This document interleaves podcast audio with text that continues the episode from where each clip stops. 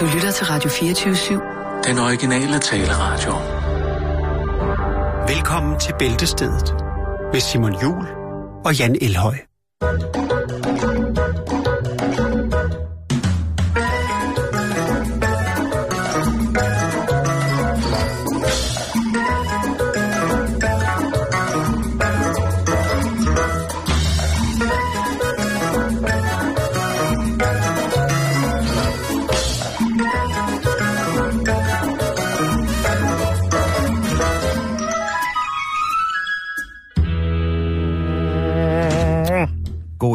Og rigtig hjertelig velkommen her til øh, Radio 24 Tak. Og øh, kan du høre, hvad jeg siger, Jan? Jeg kan godt høre, hvad du siger. Okay. Jamen, øh, det er blevet øh, mandag på en eller anden mystisk måde. Ja. Det er som om, jeg er meget lav. Nej, ja, du øh, vokser jo ikke mere, kan man sige. Nu står. Men hvad siger Øh, du, Dix? Er lyden god derude? du lyder helt perfekt her. Okay, jamen så er der Det må være dine ørebøffer, der, der strækker. Kig lige en ekstra gang. Øh, jeg kan jo lige fortælle, at øh, jeg jo øh, sagde i fredags, at jeg øh, havde en historie, som ikke nåede, men som jeg nok vil øh, betegne som værende den, den mærkeligste, det mest ambitiøse. Øh, er du okay? Jeg vil løfte sløret for en af de mest ambitiøse projekter, jeg nogensinde har, har opsnuset, opstøvet på internettet. Og øh, selvom det lige har været den 1. april, så skulle det her projekt, altså, den skulle være god nok, Simon. Ah. Du skal glæde dig til at høre om det, Ah. fordi det er, det er ude af den her verden. Er det bedre nu? Ja, nu er det meget bedre. Mig, mig, mig. hovedet. Men øh, før jeg går i gang med at, at blære mig med det, Ja. så øh, synes jeg, du skal starte. Er der noget med, at vi skal til Indien? Ja, vi skal, vi skal til Indien, og vi skal, øh, vi skal snakke om indisk mad. Det er jo en, øh, en gastronomisk kultur, som der jo på mange måder bliver, bliver negligeret på nogle punkter. Og jeg synes jo personligt, at det er noget af det allerlækreste mad, man kan få. Jeg er tosset med, med indisk mad, Ja, jo. Det, jeg er også vild med det, men, men øh, men alt med måde. jeg kan ikke spise det hver dag. Lad mig sige på den måde. Ej, der, øh, ja, jo, men det, det, det tror Det jeg faktisk... også an på, hvad det er. Ja, der er jo de her meget fede smørbaserede retter, hvor man kommer ja. smør og ghee, altså de her Butter chicken Butter og chicken, tandoori chicken og det Ja, Det smager øh, godt, men jeg tror ikke, det kunne ikke, den kunne jeg ikke nappe hver dag, Simon. Men, øh, men øh, eftersom at øh, min familie jo har været rigtig meget i Indien, så har man jo lært det der med, at der er jo kæmpe stor Ja, og der er gårdgardneren, ikke? Det er jo, hvis ikke det er min far. Men der er rigtig mange gode ting. Og en af de ting, som... Øh, altså, det, det er jo det, som... Og det, er jo, det sømmer sig, og det er jo næsten usømmeligt at sige, når man øh, arbejder i en slagterbutik, men det er jo noget, noget af det, de kan, det er jo det her vegetarianske køkken. Altså den her mm-hmm. øh, vegetarian style, som jo altså brager afsted på... Altså, de kan få alt ud af grøntsager, og de kan få så meget med af grøntsager, end, øh, end vi nogensinde drømmer om herhjemme. Det er jo også, fordi de har den helt store krydderihylde dernede, ikke? Og er jo sindssygt, de har altså en vifte af, jeg ved snart ikke hvad, som bare blæser afsted. Altså, det er en dobbelt A hylde, ikke? En dobbelt Amager-hylde, de har. Den helt store 12 Er du etages. sindssygt, mand. Det er, eller det er den triple A plus energi Amagerhylden. Men en af de ting, som de spiser dernede, det er jo de her betelblade, eller bettelblade, som man kalder det. Og det øh, er jo en form for, ja, det er jo en naturmedicin, vil mange sige. Men der er også ja. Rigtig mange, som øh, vil sige, at Er der det... viden, videnskabelig evidens for, at det er øh, naturmedicin? Eller er Nej, det... men hvis du tager en dyb indånding, så lyder det sådan her, når du spiser. Mm. Åh, Ah. chitar, Mm. det er noget for mig. Mm. Nå, hvad sker der? jamen i gamle dage, der blev den jo brugt imod blandt andet indvoldsorm. Den indeholder jo nogle forskellige alkoholider, som gør, at den kan øh, bruges som naturlig mm. behandling. Og det er jo... Øh, det er jo ret dejligt. Det er jo, øh, det, det kommer fra den her betelplante, som jo er en peberplante, og den har jo også nogle nødder.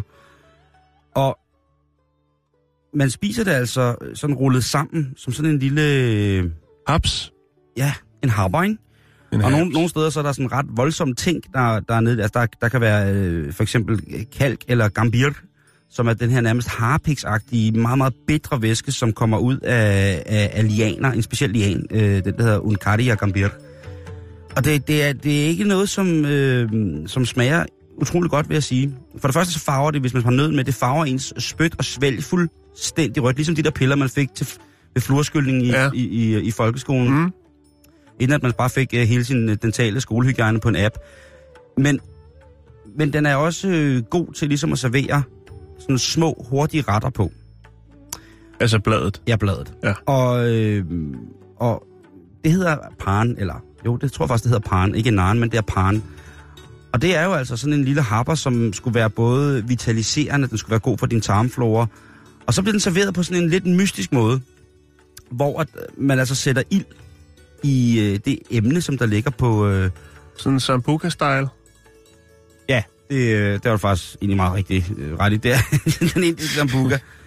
Det er bare... øh, Den, men den, den er altså... Øh, jeg ved ikke, om den vil blive, vil blive øh, være karakteriseret som, som euforiserende. Nej. Men det er jo øh, fordi, at man jo i en del af de religioner, som er repræsenteret stærkest i, i Smukkeland, øh, ikke, det, det er syndigt at, at, at drikke.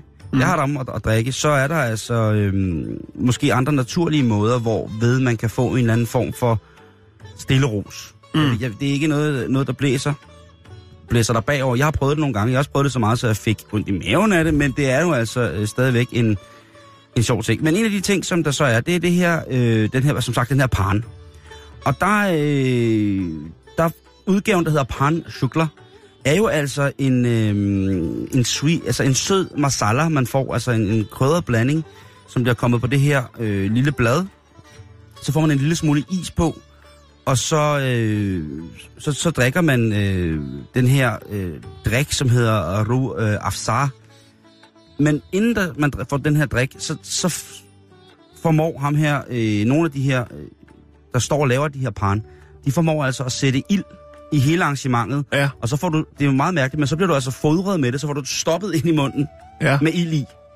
Og hvis man vil have den sådan ekstra, ekstra avantgarde, så kan nogle af de her pan-specialister, de kan altså finde på lige at give den lidt hot sauce, som hvis det ikke var hot, hot enough, så får du altså også den på ild i munden, lidt is, og så får du altså det her øh, blad ind i munden, som er en lille smule bitter, den her søde masala. Nogle kommer en lille smule, som sagt, isterninger på, så man får den her meget, meget mærkelige blanding. Ilden, den slukker jo ret hurtigt. Ja. Hvis du har et kæmpestort indisk hindi fuldskæg, så skal du måske passe på, at hele, øh, hele, hele snotskoven ikke går op i flammer. Ja. Men, men det er altså der, med, man nærmest med to hænder får den her lille foldede blad ind i munden, og så... Og så siger det altså bare... Whoopsie Karla, og så, Så står har man der. den bedste tarmflora. Jeg, jeg er ikke sikker på, at det vil øh, gå i Danmark på den måde, men som du selv siger, Sambuca, der, står man, der har man jo også øh, hørt om forfærdelige, forfærdelige hændelser, hvor folk har skulle prøve noget med ild og en kaffebønne, og, Ja. og så er det hele Crazy gået op, Daisy style, ikke? gået op, og altså forfærdelige ulykker i Movember, ikke? Er der sket, hvor at hipster har stået og drukket Sambuca og cocktail, højt øh, glas på stilk, og øh, lige pludselig så hele, øh, så hele cykelstyret stået flammer. Der, er- der er mange ting, som er forfærdelige med det her. Øhm, selv har jeg kun erfaret det, da jeg satte i mit eget hår, efter at have drukket en meget, meget stor flaske øh, Bacardi Breezer i Thailand. Men der... Oh, det lyder ungt. Øh, ja, det er en 3-4 år siden. Lige præcis. Heldigvis var øh, en af mine bedste venner, Martin, der som i samtidig med, at han grinede, fik slukket det. Han nåede dog også at filme det, øh, skal jeg lige Det er sige. meget vigtigt. Ja. Det er faktisk vigtigt at slukke det. Øhm, Men jeg vil lægge et øh, lille billede op, og en lille video af, hvad der sker, når man spiser chokolade pan. Og så kan man jo tænke over, om det er noget, man har lyst til at blive, blive fodret med. Sådan, øh, altså det er jo Street Kitchen, og Street Kitchen, Jan, det er jo pt. noget af det aller, aller hotteste i DK. Ja, ja. Ikke? det er desværre. Hvorfor? Fordi jeg synes... Åh, oh, det er god citat, det der. Ja, jeg synes, det er for meget. Jeg synes, det er for meget, når det bliver sådan hævet op. Det ødelægger konceptet, når alle bare køber en campingvogn eller en eller anden gammel øh, krigsveterans køretøj, og så øh, skal de i gang med at lave street food eller andet. Så synes jeg, det bliver noget, så bliver det for meget, Simon. Men der er der noget fedt ved en food truck. Jo, det er der, men... Men, er det men, med, men René Diff har lavet en food truck? nej, det er det ikke. René Diff, han skal lave alt det, han har lyst til. Ja. Han er jo øh, i den grad en øh, iværksætter med ben i næsen. Nå, han skal på tur i år. Ja, øh, det skal han også, ja. Nå, det behøver vi ikke at snakke om, Nej, hvad jeg synes, der er kanoner, og hvad jeg synes, der er melon. Nå, Lad os nej. øh, komme videre med programmet. Men jeg siger- jeg skal siger- jeg jeg- fortælle om et vildt projekt lige om lidt. Jeg siger bare, at øh, Ja, det er lækkert. jeg er nede med det. Jeg er nede med, ja. med, med gademaden, og jeg, jeg, jeg tænker på, om hvornår man... Øh, altså, nu ved jeg, at Noma-holdet er ved at køre noget i stillingen i Mexico, og hvem ved, det kan jo også godt være, at øh, de har serveret så mange fantastiske ting, som øh, på mange måder har været gode alternativer til det, vi ellers bruger i vores daglige forplejning.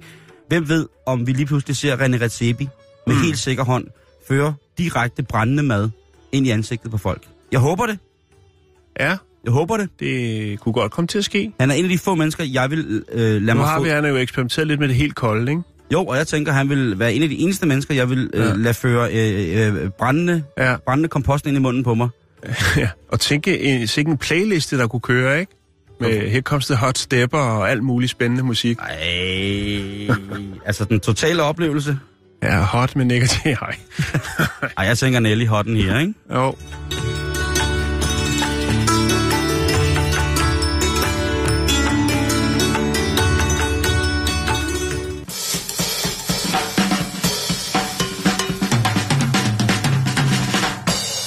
Jeg tænker, det heller ikke vil være helt forkert at få øh, høre, sætte den der gode gamle disco-klassiker Hot Stuff på.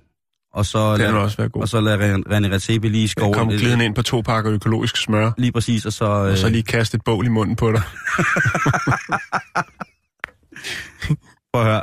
Kun love til hele Noma-holdet herfra. De snupper den bare, dreng. Kun love, ikke? Vi skal Også, bare have første prøvesmagning. og hvis I står på 108 og synes, I lige mangler en eller anden, ikke? Den helt nye, hotte øh, restaurant, altså apropos at blive i termerne, tag den, smid brændende med face på folk. Ja. Øh, det er kæmpestort, og det er sundt og alt muligt. Flames to face. Lige præcis. Rabarberne er lige kommet. Små spæde rabarberblade, tænker jeg, ikke? Ja. Med en let Jeg så otte kartofler ude i menu til 50 kroner. Ikke? så det var bare at købe 12 pakker og se, om man laver kartoffelmos til ungerne. Spæd, spædt rabarberblad med let pulveriseret øh, frysetørret stenbiderovn i, i sæson, ikke? Og så lige øh, en, øh, en øh, syltet et eller andet, en let Måske sprøjte, øh, altså i, i, i øh, skulle sige, i tis. Nej, ja, nu stopper du. jeg skulle til at sige, øh, nej, stenbiderovnen, lige give den et skud vodka ind i, i hver øh, perle. Ja, det skal ikke bare være, en, det skal ikke bare være en, en, en, hver, en slags vodka. Det skal jo selvfølgelig være en, en vodka, som er lavet på noget, nogle naturlige ting. Altså, det kunne være en nællevodka, eller det kunne være en Dunhammerrods stærk chili vodka som jo har den her brændende, brændende effekt. Jeg synes, der går for meget madprogram i den nu. Okay. Men, øh, Men jeg sidder bare, vi sidder og kommer med forslag. Nå ja, okay. Idébank åben. Jan, ja. du har noget, som virkelig vil rive tæppet væk under mig. ja, og der skal noget til, for jeg har været i Sydtirol hele weekenden. Ja, det ved jeg godt. Hvor sikkert flot overskæg, du har fået lavet dernede. Sig! Fik du noget sigte brød? Øh, nej. Men øh, alle sammen, når de skal bede om noget, så siger de Hitler lige med den der. Nej, stop. Okay, nu stopper det. Ja. Nu stopper det. Ja, ja. ja. Nå, nu skal det være her. Det er ikke noget, der kommer til at ske foreløbig, Simon. Det tror jeg godt, vi kan blive enige om, efter jeg løfter sløret for det her vanvittige projekt. Okay. Det er et øh, arkitektfirma, der ligger i New York. Og nej, det er ikke Bjarke-drengen, der er på spil. Det er noget, der hedder Clouds Architecture. Og øh, Og de har så ondt røven over, Bjarke han fyrer den af over på en fed måde. ja, men ja. det tror jeg ikke Clouds Architecture, de ondt i røven over. Hvad bringer de på? Fordi de, de har noget til fælles med Bjarke. De kan tænke ud af boksen. Okay. Og også nogle gange ud af det her solsystem. Eller i hvert fald... Øh, det, Åh. ja, ja, ikke måske solsystemet, men de tænker langt, langt ud af boksen, Simon. Skal vi have noget space? Ja, det vil faktisk være godt med noget space. Jakes, hit the space. Pump up the space. Øhm, projektet, Simon, det handler om øh, et tårn. Faktisk så vil det være, hvis det selvfølgelig bliver eksekveret, så vil det være verdens højeste bygning. Okay. Og øh, hvor høj tror du, verdens højeste bygning den vil være? Hvis det er en april snart, vi kan se Det er, det er det ikke. Det er ikke en april Jamen, er- er det Hvis ikke- det er det, så har man er- godt nok brugt meget tid på, altså, og det kan vi lige vende tilbage Er det ikke til. sådan med 600 meter, den er i et eller andet sted Jo. i Taipei? Der har jeg i hvert fald øh, Jo. gået igennem over sådan en bro, der var meget, meget højt op mellem to tårne. Er det verdens højeste bygning? Nej, det tror jeg ikke. Jeg tror, Nej. den står i Dubai, faktisk. Ja, det er noget, det er noget, noget slaveopført øh, Ja, arkitektur. Nej. Nej, penisforlænger til... det er lige til at lukke op og skide i, de her gang i Dubai. Fordi drengene her fra Claus Architecture, de har altså gang i en, øh, en bygning, som når den er færdig, kommer til at være 32 kilometer høj. ja, den er god nok, Simon. Bygningen, den hedder Hvad, hvad bor du på? Analemma hedder den. Og øh, den måde, det kommer til at, at, at, at foregå på, det er, ja. at man øh, simpelthen... Den kommer ikke til at stå på jorden. Den kommer til at, øh, at bevæge sig over jordens overflade. Stopper du. Åh, oh, nej, jeg gør øhm, det er jo en skyskraber. Det er jo nok også mere en rumskraber, kan man sige, i det her tilfælde. Øh, verdens højeste bygning vil det være, når det er færdigt. Hvis selvfølgelig det bliver til noget. Men den måde, det foregår på, Simon. Fordi som jeg siger, at øh, bygningen kommer ikke til at stå på jorden. Nej, det man gør, det er, at man indfanger en øh, asteroide. Ja. Og øh, så fastmonterer man bygningen i ført kabler fra øh, den her øh, asteroide, øh, så den hænger ned fra den. Så det kommer til at være en 32 km høj bygning, der hænger under en asteroide. Ja, Yeah. øh, den hænger i nogle, øh, nogle øh, vejer, øh, og øh, den her asteroide, som man indfanger, den omplaceres altså geosynkront øh, i kredsløb øh, om jorden. Øh, det er tunge sager. Tænk, at der ikke er nogen, der har sagt, at de nået til 10, 10 km. Hey boys, Jo, jo, men, stopper vi ikke her? men den hænger jo for, for rummet ned. Den er jo ikke på jorden op, så... så Jamen stadigvæk. ja, nu skal du høre her. Ja, ja. Er kun lige gået i gang. Okay. Det, der så vil ske med den her øh, bygning, det er jo så, når man så har øh, sat øh, bygningen i geosynkront kredsløb, jamen så vil den øh, bevæge sig fra, øh, hvis, hvis vi siger startpunktet, det er øh, New York, Manhattan. Det er selvfølgelig der, det er mest attraktivt at have en, en flot lejlighed. Vi havde jo snakket om den der skraldespandsbygning, de har, har bygget der nu. Ja. Ikke? Øh, der vil den så starte. Og øh, så vil den gå i nærmest et, et, øh, et, et otte-tal øh, fra den nordlige til den sydlige halvkugle. Det vil sige, at den vil altså bevæge sig ned omkring øh, ekvator, altså ned i Sydamerika, og så tilbage op igen. Og det vil den gøre, så den rammer det samme punkt øh, hver 24. time. Det vil sige, at den vil være øh, over Manhattan det samme tidspunkt på døgnet. Hver dag. Øh, så er der jo så noget med, med hastigheden, kan man sige. Øh, fordi at øh, hastigheden er jo forskellig øh, ved, ved jordens overflade og så oppe i, i rummet. Øh, og der har man, det har man også øh, taget, taget højde for, øh, hvordan man ligesom kalibrerer det, altså tårnets vej. Fordi det er jo, så, det er jo altså 32 km højt, ikke Simon? No, jeg t- Øh, det er, det er øh, præfabrikerede enheder, som hejses op og så sættes på den her, øh, den her sådan, øh, kerne. Øhm, og så har man altså de her sådan, øh, bæretorve. Øh, og faktisk så det der... det er jo en form for ankerkæder. Ja, øh, og, og øh, så tænker man, kan man indfange en asteroide? Det kan man faktisk øh, godt, eller man kan i hvert fald godt øh, lande på en, fordi det gjorde øh, NASA, de havde gang i et projekt, som startede i 2004 og afsluttede i 2014, øh, som var øh, noget, der hed Rosetta-missionen, øh, hvor at det var, så vidt jeg kan, kan læse mig frem til, altså en, en, øh, en, en satellit, som landede på en asteroide, øh, eller en rumsonde, som det var. Øhm, så, det, så det kan godt lade sig gøre, men hvordan man så vil altså, få den ind i det rigtige kredsløb og få spændt nogle bygninger fast på den, øh, det, øh, det skal jeg ikke øh, gøre mig klog på, men det er meget spændende. Øhm, altså al elforsyningen til det her højhus, som det jo på en eller anden måde er, øh, det vil jo være drevet af solpaneler, og så vil der være recirkuleret vand, altså genbrug vandet, der bliver i hele cylinderen eller hele bygningen, det vil så øh, blive renset og genbrugt. Øh, og så er det selvfølgelig klart, ligesom i alle andre højhuse, jamen så er det dem, der bor på toppen, øh, de vil selvfølgelig øh, have den dyreste husleje. Jeg ved så ikke, om det bliver verdens dyreste husleje. Øh, men vi når nok deroppe af. Tanken var så, at de nederste, øh, hvad skal man kalde det, cylinder, det er jo forskellige cylinder, som så kan, man kan tage den nederste cylinder og rykke op, eller hvordan man nu øh, vil gøre det. Det er der mulighed for. Men det nederste vil så være arbejdsetager, øh, og så øh, vil det højere op være øh, beboelse. Så der er altså de her øh, modulcylindere, som både indeholder øh, holder øh, lejligheder, huse, Ja, og så også arbejdspladser. Så, Ja. så cylinderne er faktisk et de små- højt, højt tårn. Jeg de skal små nok... øh, sfærer, som man ligesom opholder sig i. Ja, Men 32 kilometer, og så er der den bonus, at man har øh, oppe i toppen, der vil man altså have 45 minutters øh, længere sol om dagen. ja.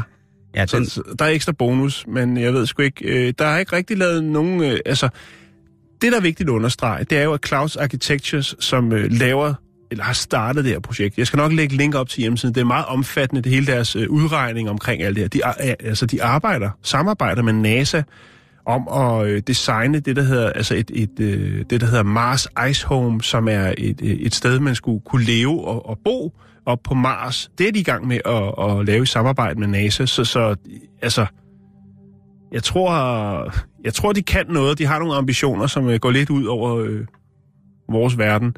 Der er selvfølgelig også øh, nogen, der, der griner lidt af det her. nej, hold da op. Det skal, Og- det og skal altså- nok lykkes. Øh, Det kan godt være, at vi snart skal have fast i fat Der i... er øh, Carlo Rizzi, øh, Ratti hedder han undskyld, som er direktør for MIT Sensible øh, by Lab, som også er et arkitektur, eller nogle arkitekter, som er, er vant til at tænke ud af boksen, altså sådan futuristisk. De siger, det er et sjovt, utopisk megaprojekt, det her. Det her med at hænge nogle kabler på en asteroide, og så bygge en bygning, som så kører, bevæger sig øh, ned over Jeg kan godt lide, at de selv nævner ordet utopisk. Det synes jeg, Ja, det er Carlo øh, Ratti fra det her, øh, man, en konkurrent, eller andre, det er et andet arkitektfirma, som tænker ud af boksen og laver nogle fu- futuristiske øh, projekter. Okay. Øh, der er selvfølgelig også no- nogen, der altså, tænker, det er... Altså, der, det er sådan lidt, det, det er sådan lidt, der er nogen, der siger, at det er simpelthen for skørt, det kan ikke lade sig gøre, men alligevel så er der ikke rigtig nogen, der tør sådan at sige, det kommer aldrig til at ske. Øh, det, er jo, det vil jo koste en formue at lave det her. Og noget af det dyreste, det vil jo nok være at få styr på den asteroide og få den ind i det rigtige øh, kredsløb, eller hvad det nu hedder, for efterfølgende at spænde nogle vejer på til den her bygning. Men øh, jeg skal nok lægge et link op, Simon, og så kan man altså fordybe sig det her. Fordi det, det er altså, det er ret detaljeret, vil, vil jeg sige, hvis det her det er en joke, ikke? Mm. Så, er der, så, så fortjener den alligevel at blive formidlet, fordi at det, der er virkelig, virkelig lavet nogle udregninger og nogle tegninger og noget. Det eneste, der er et problem, som der ikke er helt er regnet ud endnu, det er, hvordan er folk, som øh, måske arbejder på, nede på den blå planet, altså på jorden, hvordan de kommer på arbejde. Der er nogle tegninger, hvor man ser nogle folk hoppe ud fra bygningen øh, i faldskærmen. Men det kan man jo så ikke, hvis det er højere op, kan man sige. Nej. Men øh, det, Ja. det, det, de tænker nok, det er sekundært. Vi laver, de laver måske en rutsjebane inde i midten, så man kan en rør, man kan glide hele vejen ned, og så en faldskærm i bunden. Det vides ikke, Simon. Men Nej. jeg synes i hvert fald, øh, Man kan sige, der er ikke så projekt. meget gnidningskraft, så transporten vil jo umiddelbart være ret hurtig, hvis man på en eller anden forsvarlig måde lukker det menneskelige læme ind i en cylinder, som kan holde til trykket, når man skal afsted med omkring øh, 40.000 km i timen lige ned. Vi skal lige 18, ned til kontoret. lige præcis 18 km ned for at hente nogle smøger. Ja, det må være, det må være noget vild eleva- en vild, vild elevator. Jeg er tosset med projektet. Og ved du hvad, Jan? Du kan se her. Her har vi... Øh, Hold kæft, det det er gakvagt, det der. og så kan du se her, ikke? Det er satellitterne, de flyver, satellitterne, de flyver i... Øh, hvad står der der? Nej, nu står det i fod. Det kan jeg sgu ikke lige hovedregne. Men altså, det er jo et væsentligt stykke over satellitterne. Altså, øh, den der asteroide, den er øh, 50.000 km op i luften, ikke? Ja. Og så har vi så bygningen øh, nede på de 32, ikke? Og flyene, fly, det er jo, hvad er det? Det er sådan noget 12-13 km. Så, øh, Ja, det er 30.000 fod. ja, så der skal man altså... Øh, ja. Ikke. Det, det, jeg, jeg, jeg, jeg er målløs, men til, til gengæld... Ved du, hvad, ved du, hvem jeg savner lige nu, Jan? Nej. Jeg savner sgu Jan Fogh. Ja, Han ville skulle kunne sælge de lejligheder. det tror jeg faktisk også er mit problem. Han kan ikke køre der til sin Ferrari. Han er nødt til at få sådan noget nyt. Men alligevel, så kan man jo sige, at han, Han er er jo allerede et stykke deroppe af. Lige præcis. Han er Ja. jo... Han er der... En han- smuk ting, Simon. Lige præcis. Ja.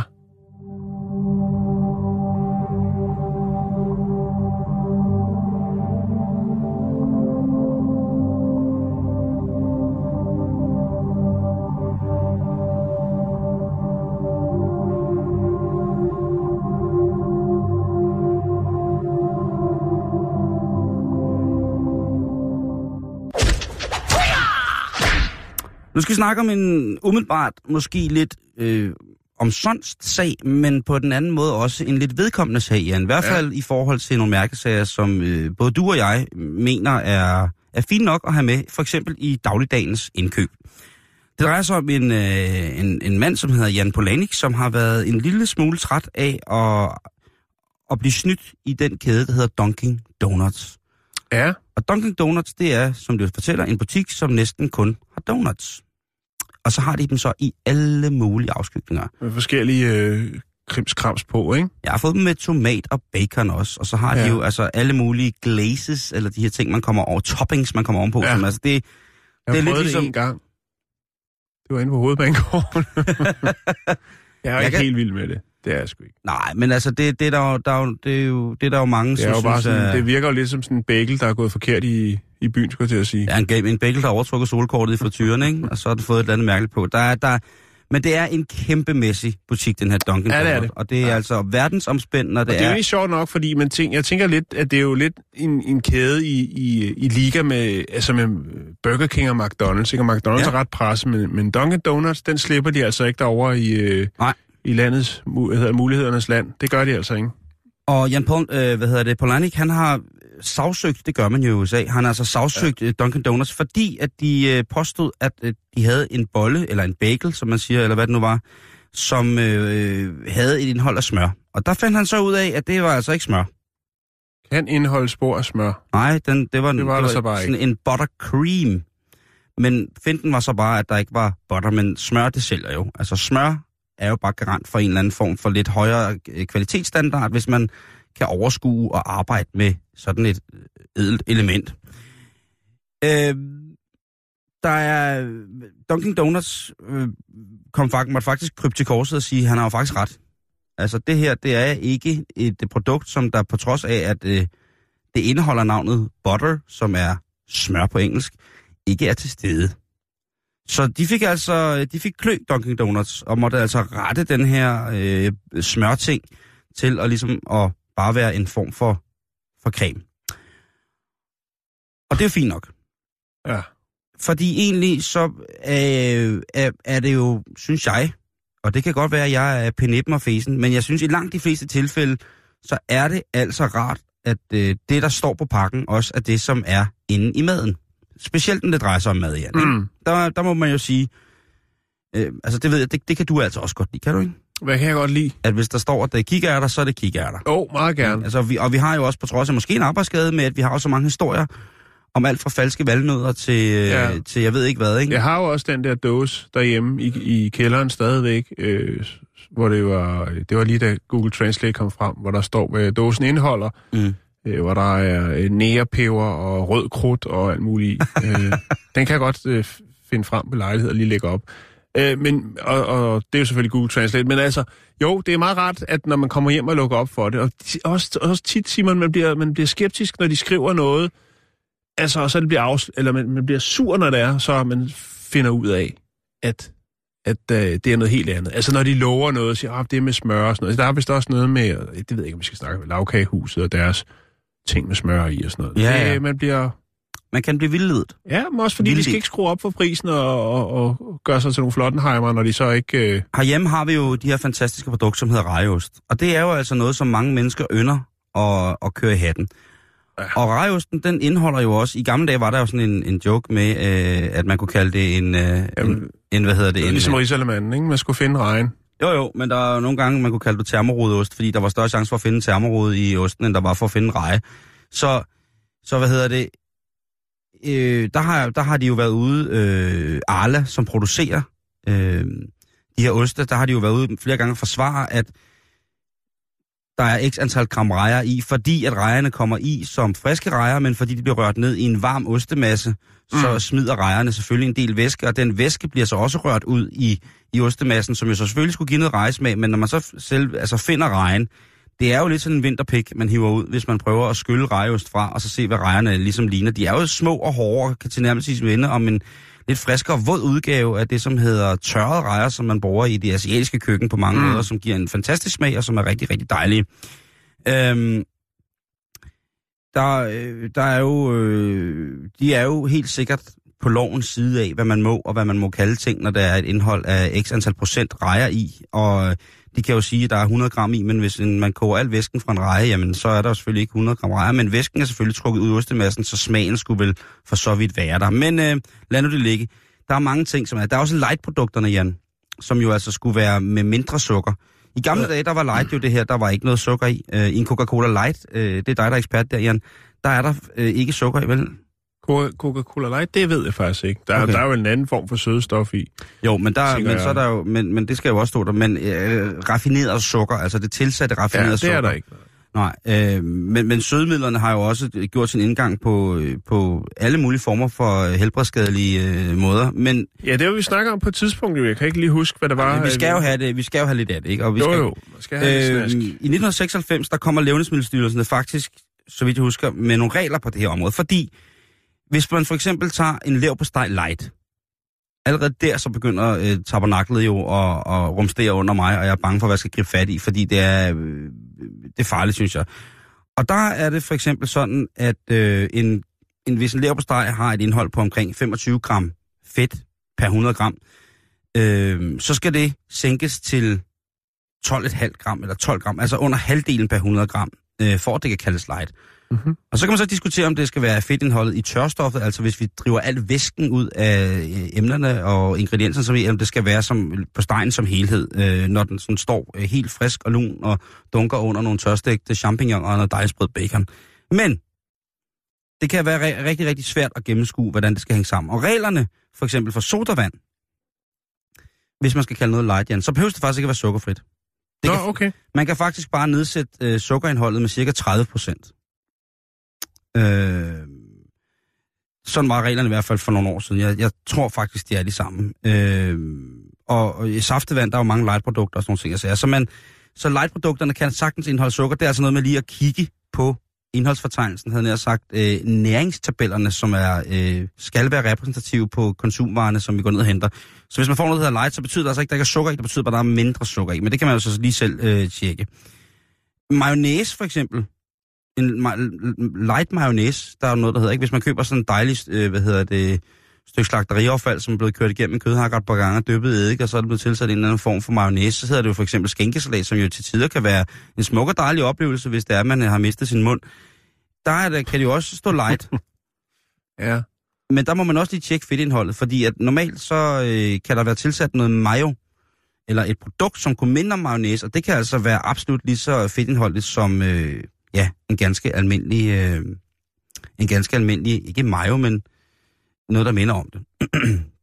så en tommelfingerregel med at finde ud af, hvad det er, man spiser, så man ikke ender med ham her gutten, som skulle sagsøge Dunkin' Donuts, fordi der ikke var smør i det, han ellers gerne ville have. Jeg tror ikke, han har taget skade af at spise mindre smør på sin donut, men Og- jeg, jeg vil sige på den måde, at det er sgu op til os selv. Altså, det er os, os selv, der er nogle, nogle tåber nogle gange, når vi øh, lader os øh, blive billige. Der er også de her light øl, Ja. Som jo indeholder alkohol. Altså, i Amerika, der kan en light øl sagtens være, være en alkoholisk beverage, men den kan jo øh, kan så have nedsat, øh, hvad kan man sige, sukkerindholdet også, således at, jamen, den feder ikke så meget. men man bliver lige så fuld Slankeøl. slankeøling, slankebajer. Øhm, men i virkeligheden, så... Øh, hvis man kigger på, om... Jeg plejer at sige det sådan her. Hvis der er omkring øh, 5 til 8-10 gram fedt per 100 gram anført på den her bagpå, og jeg så nogenlunde kan regne ud om, at det er et færdigprodukt, eller om det er et tørstof, eller whatever, øhm, så kan, kan de være en lille smule lighter. Der, man får jo mange tabeller, når man som jeg er indhyldet i den smukke folkesygdom diabetes. Så kan man jo på rigtig, rigtig mange måder finde ud af, hvad der er gode produkter, og hvordan og hvorledes. Øhm, men tjek det lige, hvad, hvad det er, du får, hvis du har lyst til det. Og hvis du ikke har lyst til det, og du bare synes, at tingene skal være, som de altid har været, du er fuldstændig fløjtende, jamen, ved du hvad, du skal ikke få et ondt ord for os.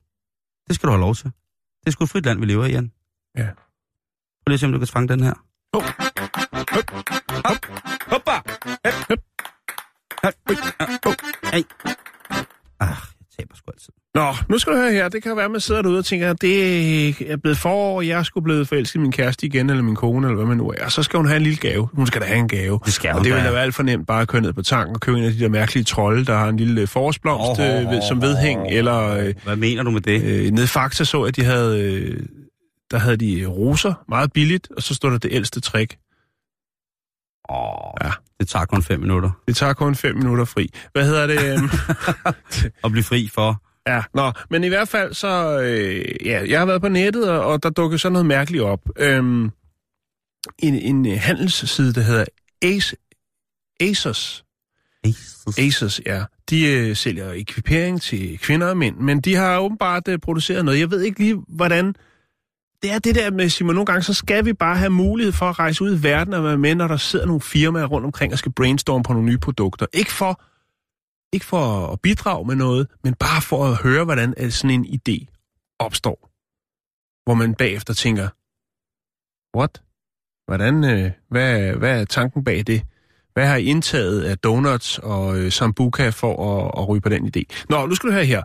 Øh, Asus har øh, lavet, øh, de laver også nogle smykker, lidt, lidt vedhæng, du ved, lidt, lidt, øh, lidt ekstra lir til, når man skal ekvipere sig, ikke? Hvis man nu køber en god, Ja. god cowboybuks, måske en hvid t-shirt og en Mm. lækker cowboyfrakke, et par, Ah. et par stiletter. Jeg kunne virkelig godt tænke mig en kopper, jeg kan til foråret. Det Ja, men jeg synes, du skulle gøre det.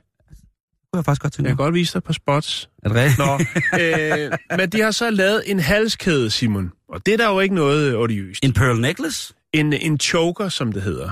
Og det er jo så en, øh, en halskæde, som sidder forholdsvis stramt om halsen. Nå, en, øh, ja, ja, ja, et Ja. blowjobs-halsbånd. Det ved jeg ikke noget om. Det er en Nå. fin lille, lille halskæde. Og så er der nogle bogstaver i. Der er et ord, og øh, det er sausage. Altså punse? Pølse, ja. Pølse? Ja.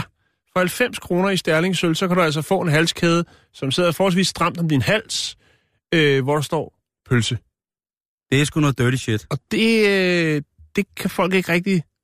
Det kan de ikke have. Nej, de kan ikke ud af, hvor, hvorfor. Hvorfor er det, man skal købe en halskæde til sin kæreste? Eller hvorfor er der en kvinde, eller en mand for den sags skyld, som sidder og tænker, åh, oh, den er fed. Der Ja. står pølse. Det Den kunne jeg sagtens have. blive givet til en mand. Det er 90 kroner, Simon, så det er jo ikke, fordi ja. Det koster en formue. Øh, jeg kan lige vise dig, jeg har allerede lagt den op nu på vores øh, fjæs. Nej, det kan jeg gøre nu. Det gør jeg as we speak. Åh. Yes, yes, very internationals. lige så her. Øh, det, det, det er bare mærkeligt. Jeg ved ikke. Nu se, den kommer her. Der er den. Pølse. Ikke?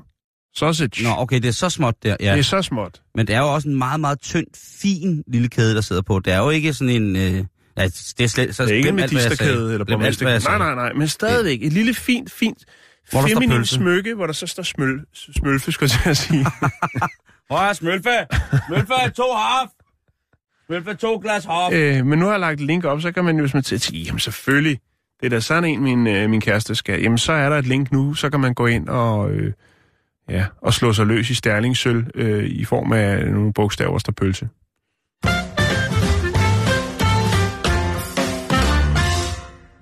Ja, kom ikke her. Vi skal til en solstrålehistorie, Jan. Oh, ikke at godt. øh, pølsehalsbåndet ikke var en solstrålehistorie. Vil, Nej, det vil jeg også sige. Det, jeg, går der, jeg sidder der her PC og overvejer, hvad, hvad jeg lige, om jeg lige kan nå. Og du har en pølse, der skal have en kæde. Yes, lige præcis. Øh, vi skal snakke om en, øh, om en absolut vanvittig, fantastisk kærlighed til dyr. Vi skal snakke om en guldfisk, Jan. Og guldfisk er jo, Ja. ja. øh, øh, er jo måske ikke kendt for at være de mest intelligente væsener. Til gengæld så er de kendt som værende De et kan det, de skal, og der, det, der skal ikke så meget hjernekapacitet til. Til gengæld, så kan de være genstand for stor, stor glæde og en forståelse for naturen. Øh, hvis man for eksempel har børn, der er jo mange, som vælger at få øh, akvariefisk for ligesom at fortælle dem om, hvordan naturens gang ligesom er. Sådan, og, ja, han kunne for eksempel have en guldfisk, med, der hedder Smølfe. Hvis Smølfe så en dag går hen og, og skal videre ud i guldfiskeuniverset, så skal man jo ligesom lære at begrave Smølfe i, i det forkaklede gemak, ikke? Og så kan mm. man stå der med ungerne og sige farvel til Smølfe, mens man trækker ud. Men der er jo også nogen, som virkelig kæmper for, at deres, deres guldfisk virkelig har brug for noget, noget, noget love, og, og ikke bare er øh, i citationstegn bare et øh, lille dumt kæledyr, der, øh, der tuller rundt i en potte i glas. Mm.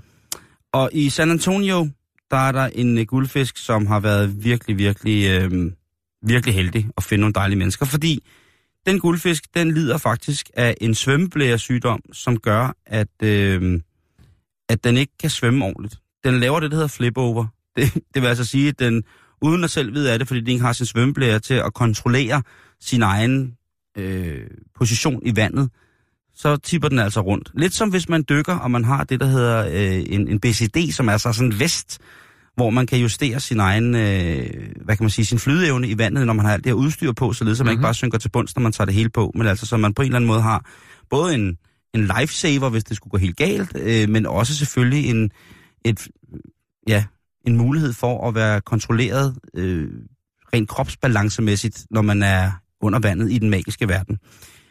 Øh, og ejerne tænkte, det er da øh, synd, at, øh, at guldfisken altså ligger der og, og, og tumler rundt, og overhovedet ikke kan, kan finde ud af det.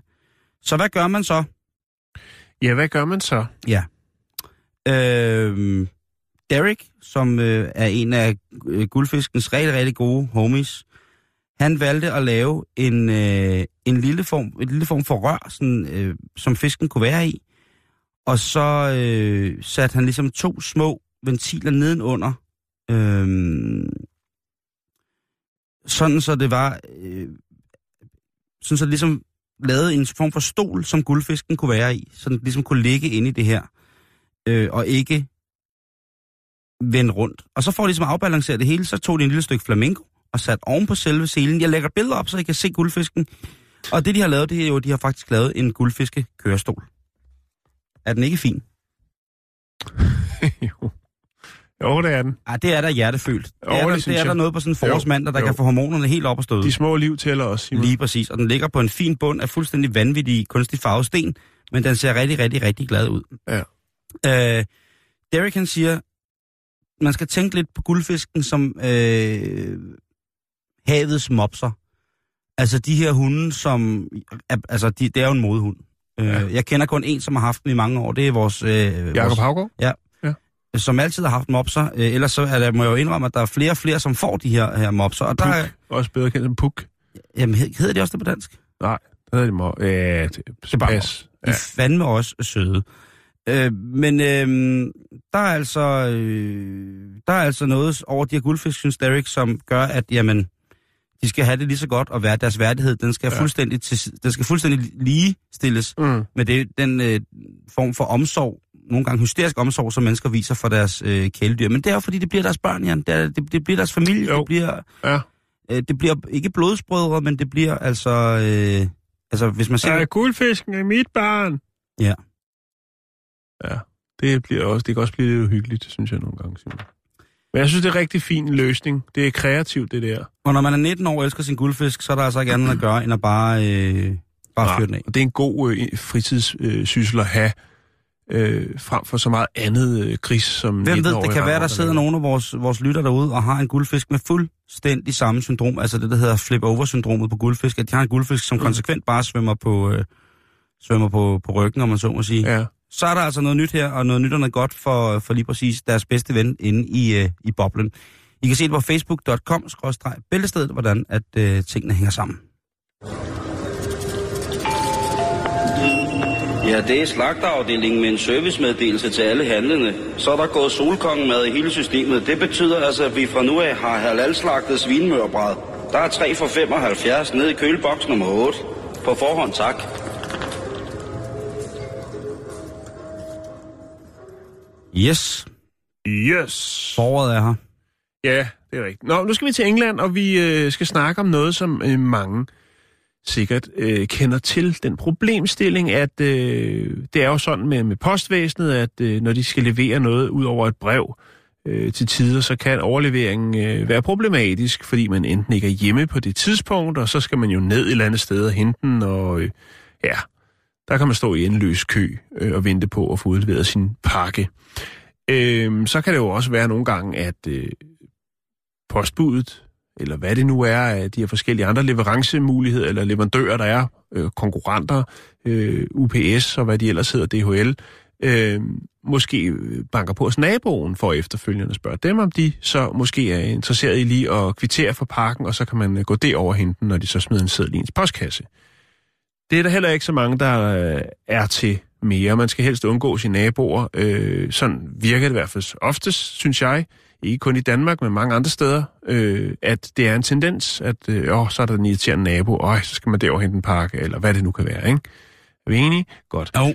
Øhm, men så er det jo godt, at der også findes øh, kreative postbud, som måske godt kender de her problematikker, og tænker, nu vil jeg lige gøre lidt ekstra godt for kunderne. Øh, og det sker altså i England. Der er en, en herre, der hedder øh, Sam Coke, som har... Hvad hedder han? Coke. Sam Cook? Ja. Ja. Han øh, har bestilt noget på internettet og øh, får det leveret derhjemme til. Og postbuddet kan jo så konstatere hurtigt, at Sam han ikke er hjemme. Så han tænker, hvad skal jeg så gøre? Han går om på øh, siden af huset, og der kan han se, at der er et lille bitte vindue på klem. Og så tænker han, så øh, smider jeg da bare pakken ind igennem det åbne, halvåbne vindue, og så smider han sædet i postkassen. Og det er jo meget godt ting, Simon. Så får han jo pakken alligevel, og så slipper han for alt det med, at han skal køre ned på posthuset, jo. eller hvor det nu er, man får udleveret sine pakker, øh, og stå i kø og alt det der. Det er meget godt tænkt. Øhm, så kommer Sam hjem, ser sedlen og går ud øh, for at lede efter pakken i sit, i sit hus. Og der er pakken så. Den er røget ind igennem toiletvinduet, og den er røget lige direkte ned i lokummet. Ej, Og så, så griner Sam selvfølgelig lidt og tænker, okay. Han har selvfølgelig også, øh, som man nu gør i de moderne tider her, så har han selvfølgelig også lige sørget for, ja, du kan se billedet her. Det er ikke så stort, som man siger, men øh, her skal vi lige have det der væk, så du ikke tænker på, hvad det er. Der, der ligger den. Og den ligger jo, altså det er jo virkelig... En et- Det er en trepointsscoring. Den sidder lige, som den skal. Lige rent ned i potten, ikke? Ej, Øh, ej. han tager selvfølgelig et billede, Sam, og lægger det op på de sociale medier. Det gør man jo altid, når man, øh, ligesom vi gør, når man oplever eller finder noget pusseløjerligt, støder Ja. på det. Øhm, Eller bare har en mig, mig, mig, mig, mig Men der er noget andet ved det her, fordi det er jo faktisk sådan, at, at efter han har smidt pakken ind, så, op, så tænker han, den lyd kender jeg. Og han rejser sig så op, og så kan han se. Så han skriver faktisk på sædlen, øh, ups. Det tilføjer han selvfølgelig, ups, jeg tror faktisk, at de ramte dit toilet. Så han er godt klar over, at han har lavet en, en trepoints scoring.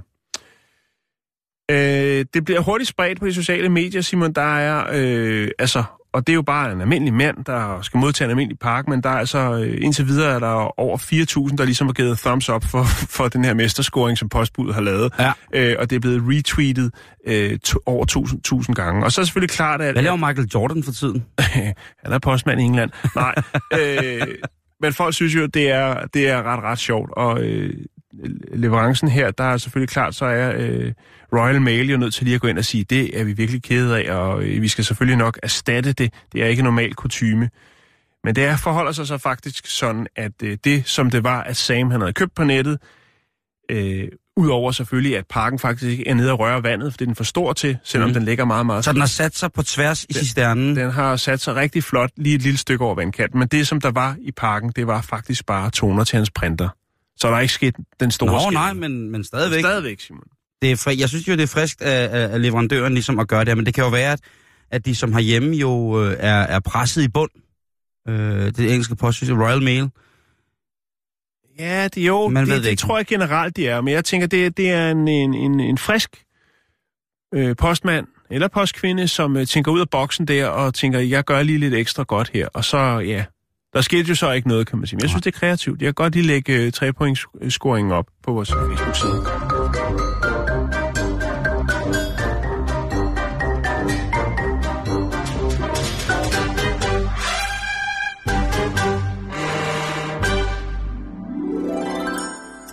Ja, efter sådan en tur her i weekenden, Jan, hvor jeg har været afsted i de store fremmede udland, så har jeg fået sådan en form for øh, måske lidt tre informationsløst. Og det kan godt være, at det nu bliver en lille smule langhåret, men bær med mig, kære venner. Det her det er til en speciel gruppe af medbrødre, som jeg hører ind under. Og øh, vi er jo efterhånden en del mænd, der i den danske samfund, der har taget form efter parolen for lidt motion, dårlige kostvaner, dogenskab og ja, et overforbrug af ingredienser, der ikke just fremmer David-kroppens idealer. Vi er ganske enkelt blevet fede, og i vores oplysningssamfund, så er der et, øh, er det åbenbart et tegn på nedtur og tidlig død, barnløshed, en belastning for samfundet, social afmagt og generelt dårlig, dårlig, dårlig livsstil. Jo jo, bevares. Øh, det går godt for den typiske danske mands, øh, ja, det typiske danske lands overvægtige støder. Men at kalde det at være overvægtig for en direkte adgang til sexsymbolernes højere tinder, vil nok være en smule at overdrive. Nu vel, der findes kvinder og mænd, der elsker en bamse, en mumifar, og det er vi kraftigt polstrede typer jo ganske, ganske lykkelige for. Vi Men, har jo snakket om det tidligere. Ja. Er det et års tid siden, farkroppen? yes. Og der findes jo også steder i verden, som har en anden skønhedsideals hat på, hvor den tydeligt overvægtige er et velfærdstegn. Det er simpelthen et tegn på en høj status, det er et tegn på en seksuel overmagt. Frodighedens mangfoldighed er på alle måder et tegn på det bedste ved en mand. For eksempel kan man få de her små nordatlantiske tubilakker, som jo altså er et historisk monument over mod jord, altså, øh, hvad hedder det, Mama Pacha Pachamama, den her frodige kvinde med, med bryster, som jo, hvis man begraver sig i dem, jo helt sikkert på et tidspunkt vil, vil, vil, vil underdreje sig på grund af både mangel på lys og ilt. Men det er jo altså øh, noget, som, som, som har ændret sig på en eller anden måde, fordi der er kommet nogle medicinske, evidensvidenskabeligt baserede, helt korrekte undersøgelser frem, som altså fortæller, at sådan nogle ting her, det er altså vejen til rigtig dårligt. Øhm, i Asien, der er den kraftige affodrede mandefigur et direkte sexsymbol, Jan. Hvis ja. Man kigger på, hvilken grad af beundring sumobrydere for eksempel er genstand for Buddha. Buddha, så får man jo straks lyst til at tage 180 kilo på og gå rundt i en rullet lan som underbukser. Der er jo ikke så meget at snakke om der. En mand i min vægtklasse, Jan, vi kunne gå rundt kun iført et viskestykke og føle sig som Brad Pitt fra Fight Club. Ja. Spot on. Det gør jeg jo nok alligevel. Men det er fordi, jeg har lært at have det godt med min ekstra kilo. Men bodyshamen er jo desværre blevet et værktøj på et meget ubehageligt element i det at passe ind. Der er en del sundhedsmæssige aspekter i det rent fysisk, men i mange tilfælde er det overvægtens psykiske nedtyr, der medfølger, fordi det får ting som trøstespisning, overspisning, afhængighed af sukker osv. til at eskalere. Sidste år, der blev det bekendt gjort, at øh, farkroppen jo, som du selv siger, var, øh, var populær. Og bamsekroppen er for mange også forbundet med noget rigtig, rigtig dejligt. Der er så mange hensyn, man skal tage for at være beregnet som, i citationstegn, sund. Så om ikke andet, så bliver man jo rigtig sløj af at prøve at følge den. Det er der mange, der mener. Men lad os lige tage en tur til Afrika, Jan. Nærmere betegnet det vestlige Etiopien. Har vi noget Afrika, Jakes? Har vi, har vi det, det, det vestlige Etiopiens bjerglandskab i grænselandet mellem fladlandet, altså lavlandet og, og, og de smukke, smukke tænder? Øh, fordi der sker der noget, Jan, som er helt fantastisk. Der bor der nogle stammer, som øh, er Mekan eller Meen-stammen, som er en etnisk minoritetsgruppe, som har be, altså beboet det sydvestlige Etiopien øh, i rigtig, rigtig, rigtig, rigtig mange år. Øh, og ved sidste mandetælling, om man kan sige, der var de omkring 60.000 individer af, af de her to stammer. Og øh, kan du fornemme bjergelandskabet i Etiopien? Jamen, det er smukt. Jeg er der.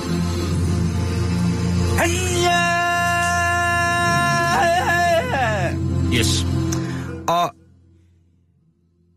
nede i Etiopien, der har de altså en uh, tradition for, at uh, netop det her med den overvægtige mandekrop, den velpolstrede, velaffodrede macho, det er altså noget af det mest seksuelle, man kan komme til at... Ja, det er noget af det mest seksuelle, man kan opnå. Mm-hmm. Øhm, og jeg vil, jeg vil lægge nogle billeder op af, af, af de her fantastiske mennesker, fordi at ikke får ligesom at hylde de sundhedsmæssige skavanker, som der medfølger med det her, ifølge den evidensvidenskabeligt baserede læge tilgang til det, men faktisk til tilgangen af, at, øh, at, at jeg har prøvet det flere gange, at hvis man skal på en, en diæt, en slankekur, Jan, så er det faktisk aller, allerbedst at starte, når man har det rigtig godt, sådan rent ind i hovedet og mellem hjerte og hoved. Det nytter ikke noget, at man gang på gang sætter sig i et beskyttet miljø, hvor man går på, på nogle forskellige øh, kurser, eller man øh, holder ved. Fordi at lige så snart man er ude af det beskyttede miljø, så sker det for rigtig, rigtig mange. Der er selvfølgelig nogle pragteksemplarer, som kan holde sig ud, men lige så snart man kommer ud af den her beskyttede form for, for, øh, for diætistbehandling, så er det altså... Det er jo at, lidt øh, ligesom alkohol, ikke? Lige præcis. Det og, det er jo, og det er jo igen det der med, at så bliver man shamed over, at man ikke har standhaftighed eller stamina nok til at kunne klare mm. endnu en slankekur, eller man tager på igen. Selvom man måske faktisk i virkeligheden bliver en lille smule gladere, så skal man gå og skamme sig over det. Det bliver altså noget, som tynger rigtig, rigtig, rigtig, rigtig mange overvægtige på en rigtig, rigtig grim måde. Og selvfølgelig er det ikke noget, man skal negligere. Det er jo en, en belastning på rigtig, rigtig mange punkter. Nogle vil sige, at det er en folkesygdom, som jo medfører alle mulige mærkelige ting. Personligt vil jeg sige, at man kan sagtens leve et fantastisk liv, og man kan sagtens leve et liv fyldt med glæde og, øh, og stolthed over sin, øh, sin frodige krop, sin frodige menneskekrop. Øh, selvfølgelig skal der være plads til at være ked af det, men bodyshamingen, synes jeg, er... Den hører ingen steder hjemme. Bodyshamingen kombineret med de her overliggende advarsler, vi altid får for alle mulige former for sundhedsmæssige organisationer, som jo ved det bedste for os, fordi det er det, de har læst sig til, og det er det, der beviser for. Jamen, jeg synes bare, at man skal slappe øh, en, øh, en, en, en lille smule af. Og Bodifolket, det er altså den sydvest-etiopiske stamme, hvor at øh, dunken altså hænger helt, helt fremme i det, som er mega, mega, mega, mega sexet. Så jeg hylder her med den narcissistiske tanke om, at det laskede læme på alle måder har ret til at være lige så lykkelig, også selvom man får at vide, at man ikke tager hensyn, at man er en belastning, at man er grim, eller man er direkte ulækker. Og de her udmeldinger, de kan jo komme fra familiemedlemmer, de næreste venner, i den bedste mening, om at redde ens liv i citationstegn, fordi de elsker en, og fordi at man, de gerne vil have en så længe som overhovedet muligt. Mm. Og ja, mange overvægtige, der har tabt sig, får sikkert et bedre liv på 99,9 procent af, af, af punkterne, der vil være kendetegn for at være glad og lykkelig. Men tro mig, der findes altså også mennesker med dårlig iltoptagelse i blodet, ringe blodcirkulation, alt, alt, alt for højt kolesteroltal, en buffet af livsstilssygdomme, som på trods af det her lever et liv på et lykkelighedsniveau, der er fuldstændig på niveau med de folk, der begår sig i alle de rigtige tabellers grønne områder. Måske endda er det en lille smule lykkeligere. Og ellers, så skulle du tage og tage til Bodaj i øh, Etiopien. Der er kan plads til alle. Der kan du være, du bliver høvding.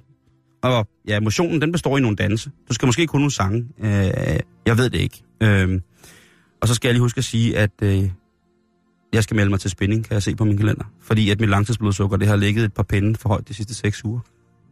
Så, øh, så sådan er det. Så en hyldest til Bodifolket, og en hyldest til øh, at øh, lykkelighed, det kommer et eller andet sted fra, som øh, ikke skal være kontrolleret af, hvad omverdenen siger hele tiden. Det er et hensyn, som man skal tage til sig selv, og den måde, som man gerne vil øh, fremstå på, som værende enten glad eller ked af det.